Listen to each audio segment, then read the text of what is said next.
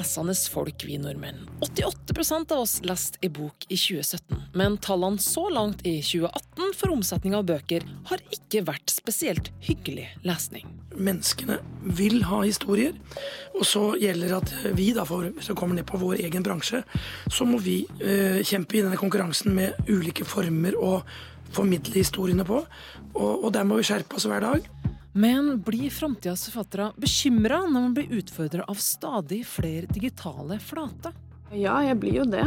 Um, og det henger jo sammen med Jeg jobber jo også litt som journalist, og det er jo samme man ser, ikke sant. At uh, nettet skaper nye, nye um, utfordringer, da, for å si det sånn. Um, samtidig så, så er jeg på en måte forfatter noe som jeg føler at jeg må gjøre. Hva Hei, og i mediepanelet denne uka går vi til bunns i ukas mest omtalte nyhetssaker med flagget til topps. Dette er mediemagasinet Kurer, og mitt navn er Kristin Norvoll Mork.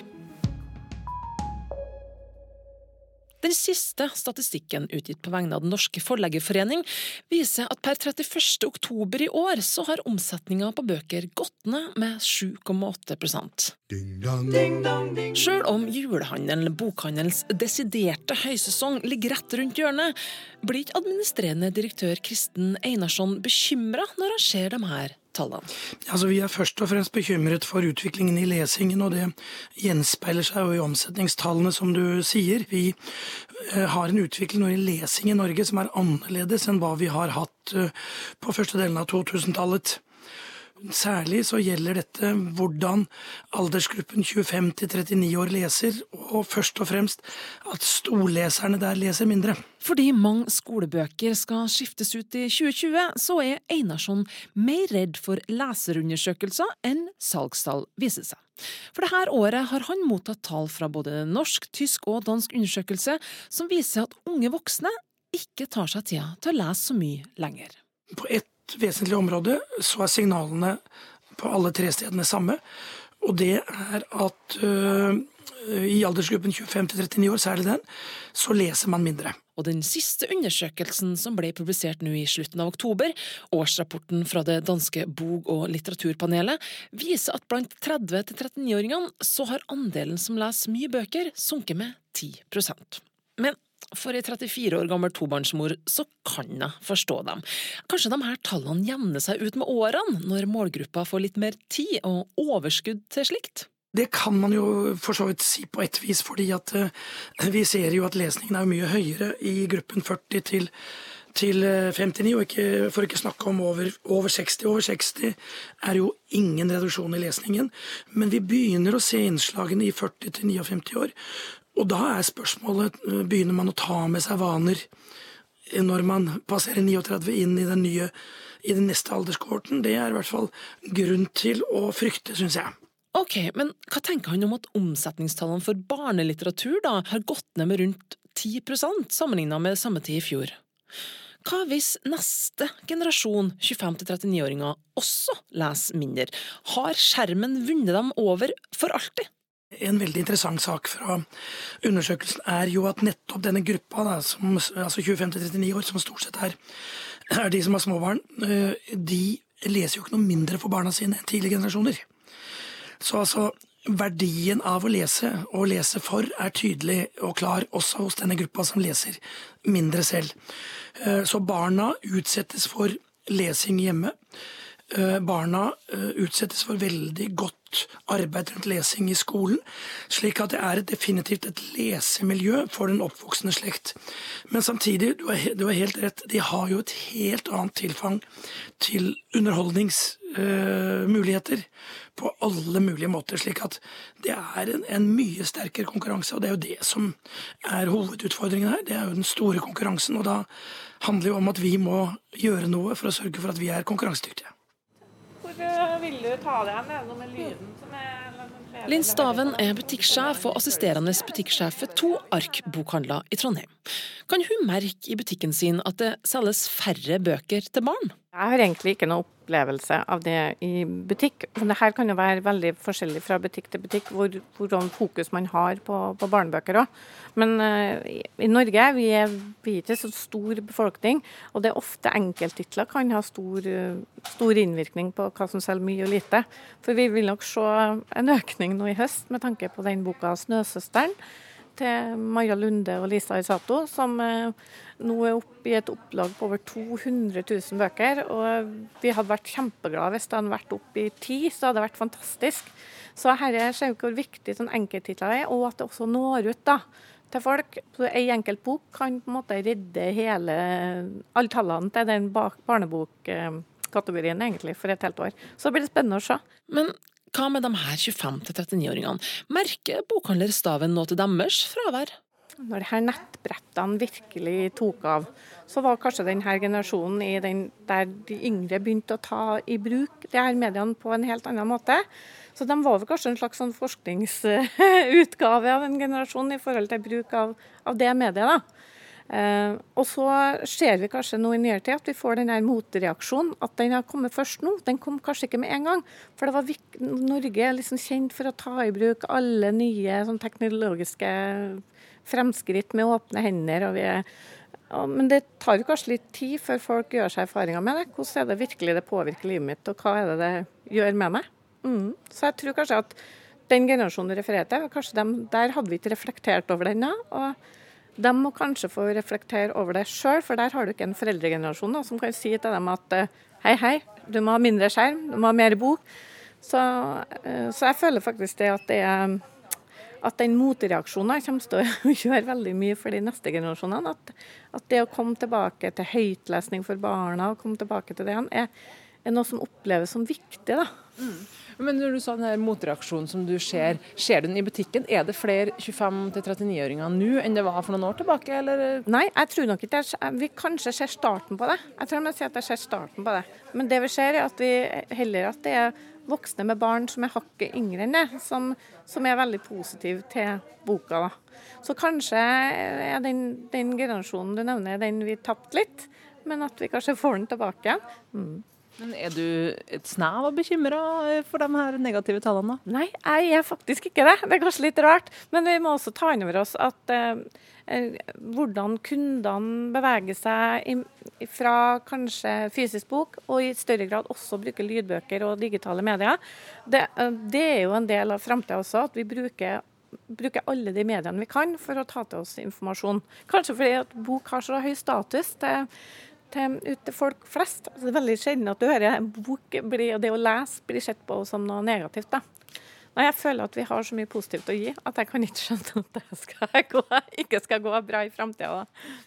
Bokhandelen i Trondheim er ikke særlig bekymra, mens forfatteren i Oslo, Bragepris-nominerte Maria Kjos Fonn, ser litt mørkere på tallene. Uh, ja, jeg blir jo bekymra. Altså, sånn, jeg er jo selv en som har fått god uttelling denne bokhøsten, med både mange og gode anmeldelser og medieoppslag og nå en prisnominasjon, men, men jeg f.eks.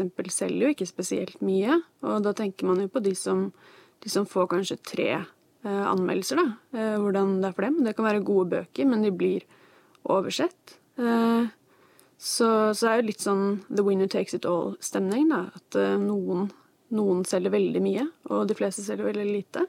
Maria er sjøl 28 år. Hva tenker hun om hva som skjer med sin egen generasjon medlesere? Det har jo blitt pekt på um, grunner som Facebook, sosiale medier og strømming osv. At det har mye å si. Eh, jeg merker det selv. At um, det tar tid fra både boklesing og avislesing. Eh, det er synd, egentlig, fordi altså, sånn, det er forskning som viser nå at vi bruker veldig mye mindre tid på hver ting vi leser på nettet, og leser mye mer overfladisk. At um, en, en, god del um, ting blir veldig sånn konkurranseorientert, uh, skanne tekster fort osv., som gjør at vi mister mye av leseropplevelsen man kan få f.eks. med en bok. Um, og så ser man jo sånn med det som kanskje kan bøte litt på det her, eller kunne ha gjort det hvis det hadde, hadde bredt mer om seg, som Kindle og sånn, er at uh, hvis du leser en bok på skjerm, så får du rett og slett mindre ut av den enn om du leser uh, på papir. Tror du at du kan nå eller engasjere din generasjon lesere bedre enn f.eks. eldre forfattere kan, da? Det er jo sånne ting som at unge forfattere deler jo en del erfaringer med unge lesere i oppvekst osv. Eh, tidsbilde, koloritt og sånne ting. Eh, og min bok 'Kinderhår' har jo tangert måte tematikk som mange unge er opptatt av, da, som, som metoo, selv om det handler jo mer om, om seksuelle overgrep i hjemmet enn f.eks. trakassering på arbeidsplasser. Sånn at eh, ja, jeg opplever jo at jeg når yngre lesere. Eh, det, også, det skjer jo i Groruddalen i Oslo, og det er liksom mange, mange, ting som steder som folk kan kjenne seg igjen i, osv. Men når det er sagt, så er det jo veldig mange i alle aldersgrupper som setter pris på boka mi, da, så jeg vet ikke om det er um, sånn spesifikt for de unge. Men, men, jeg også leser mye unge forfattere og føler at uh, det er mye gjenkjennelse å finne der. Denne høsten har vi sett mange bloggere som har gitt ut bøker. Kan det være bokbransjens forsøk på å nå denne litt vanskelige lesegruppa? Altså, jeg tror ikke det er noe edelt forsøk på å nå den unge målgruppa. Det er jo først og fremst eh, noe man kan tjene veldig mye penger på. Eh, og så sier jo folk at det er bedre at folk leser enn at de ikke leser Altså bedre at folk leser bloggebøker enn at de ikke leser. Jeg tenker jo at det spiller kanskje en rolle hva man leser òg, men, men um, Um, og bloggebøkene varierer i kvalitet. Jeg skal innrømme at jeg har lest litt i dem selv. Ja. Så jeg har vært nysgjerrig, jeg òg. Um, og det, det, er jo klart at det når jo. Uh, så de selger jo veldig. Så det er, men det ser man jo også i bokhandelen. De står veldig tydelig fremme. De, de, de, på en måte, Det blir en selvforsterkende oppmerksomhet rundt dem, da. Psykiatrien mente jeg hørte hjemme i barnevernet og barnevernet mente jeg hørte hjemme i psykiatrien. Både Storytel og Fabel kunne tidligere i år fortelle at de har opplevd en stadig økning i abonnenter på sine strømmetilbud av lydbøker. Og kanskje kan det være en av forklaringene til at både 25-39-åringene leser mindre, og at skjønnlitterære bøker omsettes for rundt 10% mindre enn i fjor på denne tida. Men hvordan ser forfatteren på denne trenden? En venn eller fiende? Jeg tenker at det er en venn. Eh, at det egentlig er veldig positivt da, hvis folk tar til seg bøker på, på den måten. Så tenker jeg at uh, den andre opplevelsen med å på en måte være konsentrert og alene med en bok som man leser, er også en viktig, viktig måte å, å um, på en måte tilegne seg litteratur på. Men, men strømming av lydbøker, hvis det brer om seg, så tenker jeg det er veldig positivt. Bokåret 2019 det er det neste år, og i går ble det kjent at regjeringa har satt av 30 millioner kroner for å få oss til å lese neste mer. Neste år er det duka for Bokåret 2019, men for Kjos fond kan 2018 bli minst like spennende. På torsdag er hun nemlig en av de nominerte til Brageprisen i den skjønnlitterære klassen for si bok Kinderhore. Det er på en måte min første roman når jeg er 28 år, sånn at jeg har ikke noen forventning om å vinne, men alle ville jo vært spent for noe sånt. så så ja, eh, jeg tenker at eh, eh, det er i hvert fall et godt utvalg bøker som er nominert, da, av det jeg har lest. Mm. Tror du at både dere forfattere og selve bokbransjen må tenke annerledes om hva og hvordan boklesing skal foregå og se ut i framtida? Det vil nok på en måte dukke opp en del tiltak, forsøk på å nå yngre lesere, strømmemuligheter ulike måter å Boksingler Man skulle tro at novellen kanskje ville liksom slå veldig an i en litt sånn fragmentert kultur, da, men det, det ser det ikke ut som det har gjort. Og så, som jeg sa, så må forfattere kanskje være mer eh, oppdragsorientert, da. Eh, men jeg tenker at vi må jo ikke gi opp det at folk skal eh, lese bøker, og, og, med alt det gir, da. Eh, og det tror jeg blir litt sånn dystopisk å tenke også, at folk slutter å å lese en hel bok, men det blir eh, hardere tider.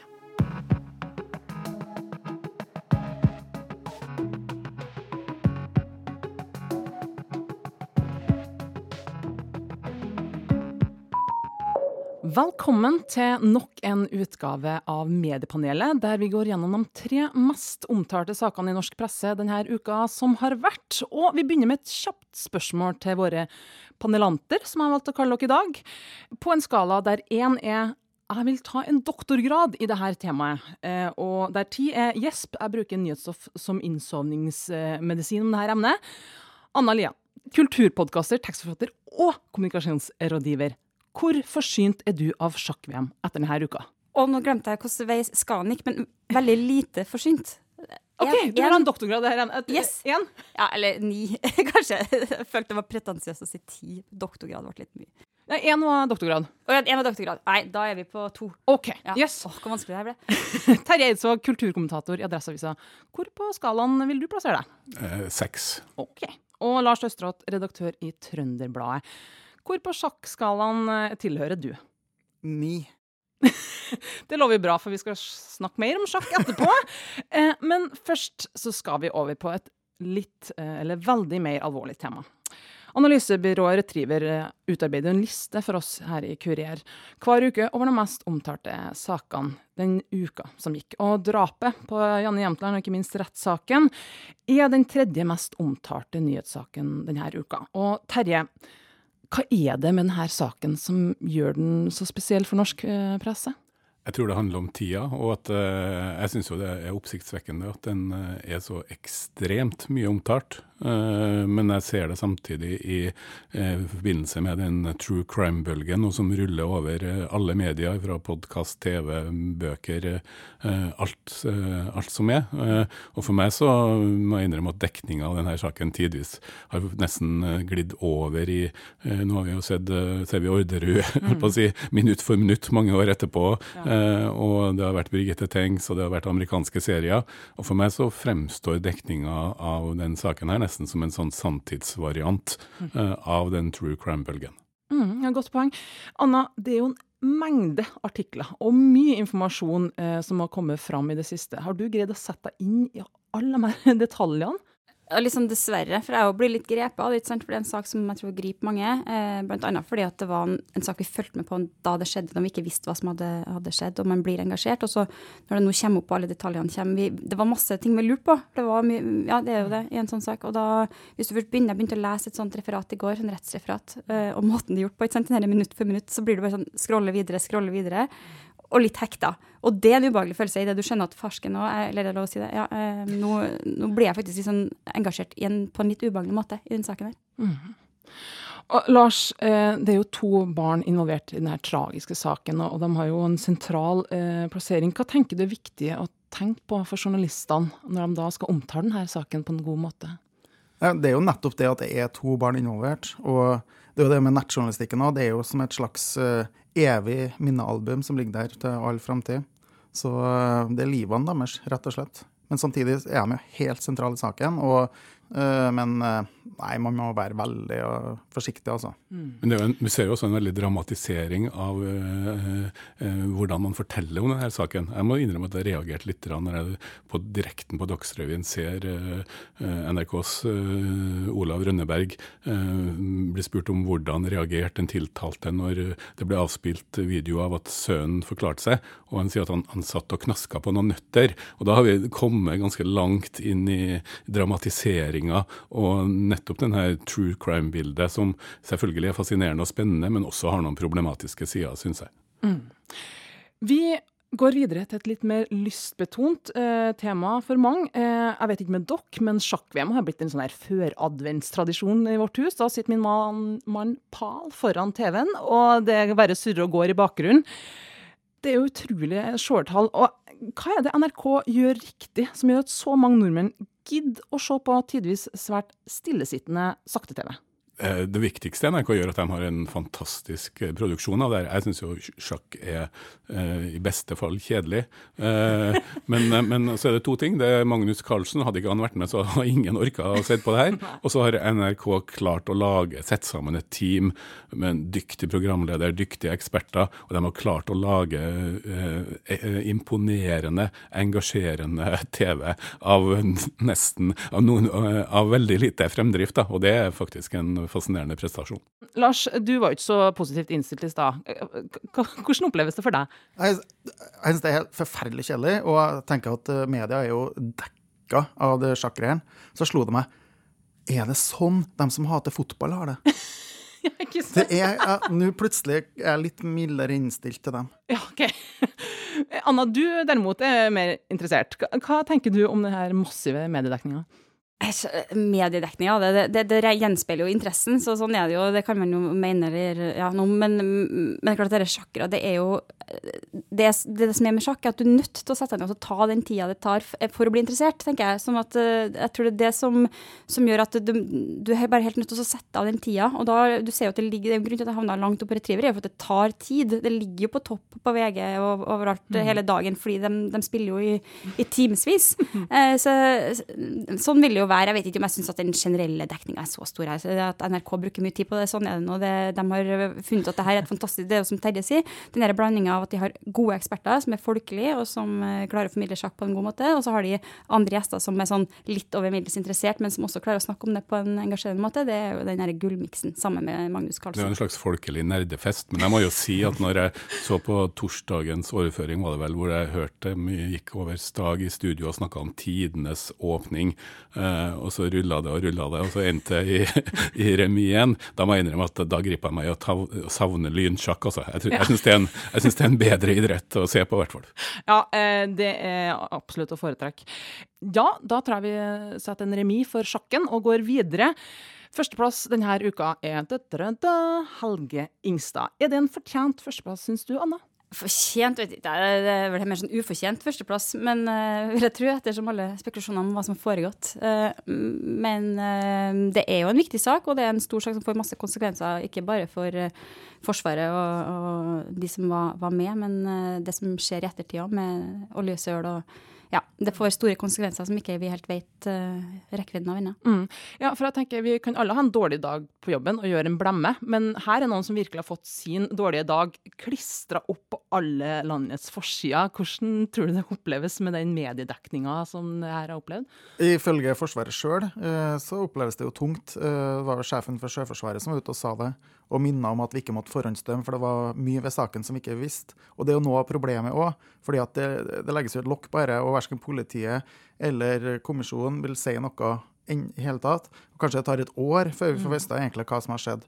Og men vi kan jo ikke vente et år på å skrive om dette. her, Så media driver sin egen etterforskning, hvis jeg skal si det sånn, da. blant annet kanskje med VG, med den lydloggen. Mm. Mm. Absolutt. Terje, det er jo minutt for minutt-TV eh, nesten det her òg fra Vestlandet. Har du sittet pal den siste uka? Nei, men jeg er jo interessert i å finne ut hva er det som har skjedd eh, når det er fire milliarder som, som eh, kolliderer på den måten der. Men jeg blir jo også spent på å se hva som kommer frem etter hvert. Mm. Men så har det jo, er nesten litt sånn målløs over konspirasjonsteoriene som har blomstra opp fra russisk ubåtjakt til, til uh, Resett sin teori om at det her nærmest er en slags variant av Eli Hagen ned Slottstrappa. uh, uh, og det syns jeg jo også gjør at det er viktig at man prøver å få frem hva som har skjedd på en, på en, på en nøktern måte. Da. Så jeg er veldig spent på vid, den videre dekninga av den saken her. Da. Vil vi se det her som en Hollywood-movie? Altså Helge Ingstad, det movie. Det er jo nok elementer til Hollywood skal hoppe på den her. Hva tenker du, Anna? Ja, det, er hvert fall, det her har jo også de hele true crime-elementene. fordi du blir jo sittende på samme måte at jeg stod så 16 minutter med lydlogg eller hørt på. Eh, og da var det liksom, inni der var det jo veldig mange sånne 45 sekunders pause. Mm. Og det satt jeg på en måte bare og venta på, for at du blir sånn revet med den måten alt blir formidla på i dag. Og vi har uh, vent oss til at vi, vi skal ha alle detaljer. Uh, ja. Men en film om en veldig dyr båt som kjører på en veldig stor båt midt på natta, høres ut som en høres, det, For meg så høres det ikke ut som det er materiale for mer enn en trailer der, da. Men derimot, hvis, hvis noen av de her konspirasjon... Du må, du, må, du må skru til de her konspirasjonsteoriene ganske mange hakk for at det her skal uh, holde på interessen i 90 minutter pluss. Mm. Det var alt vi rakk for i dag. Så får vi se om et år om det blir en film eller en rapport. Alt ettersom. Jeg takker for praten og ønsker dere god helg videre. Lars Østerått, Terje Eidsvåg og Anna Lian. Tekniker og produsent i dag var Randi Lillealteren, og mitt navn er Kristin Norvoll Mork.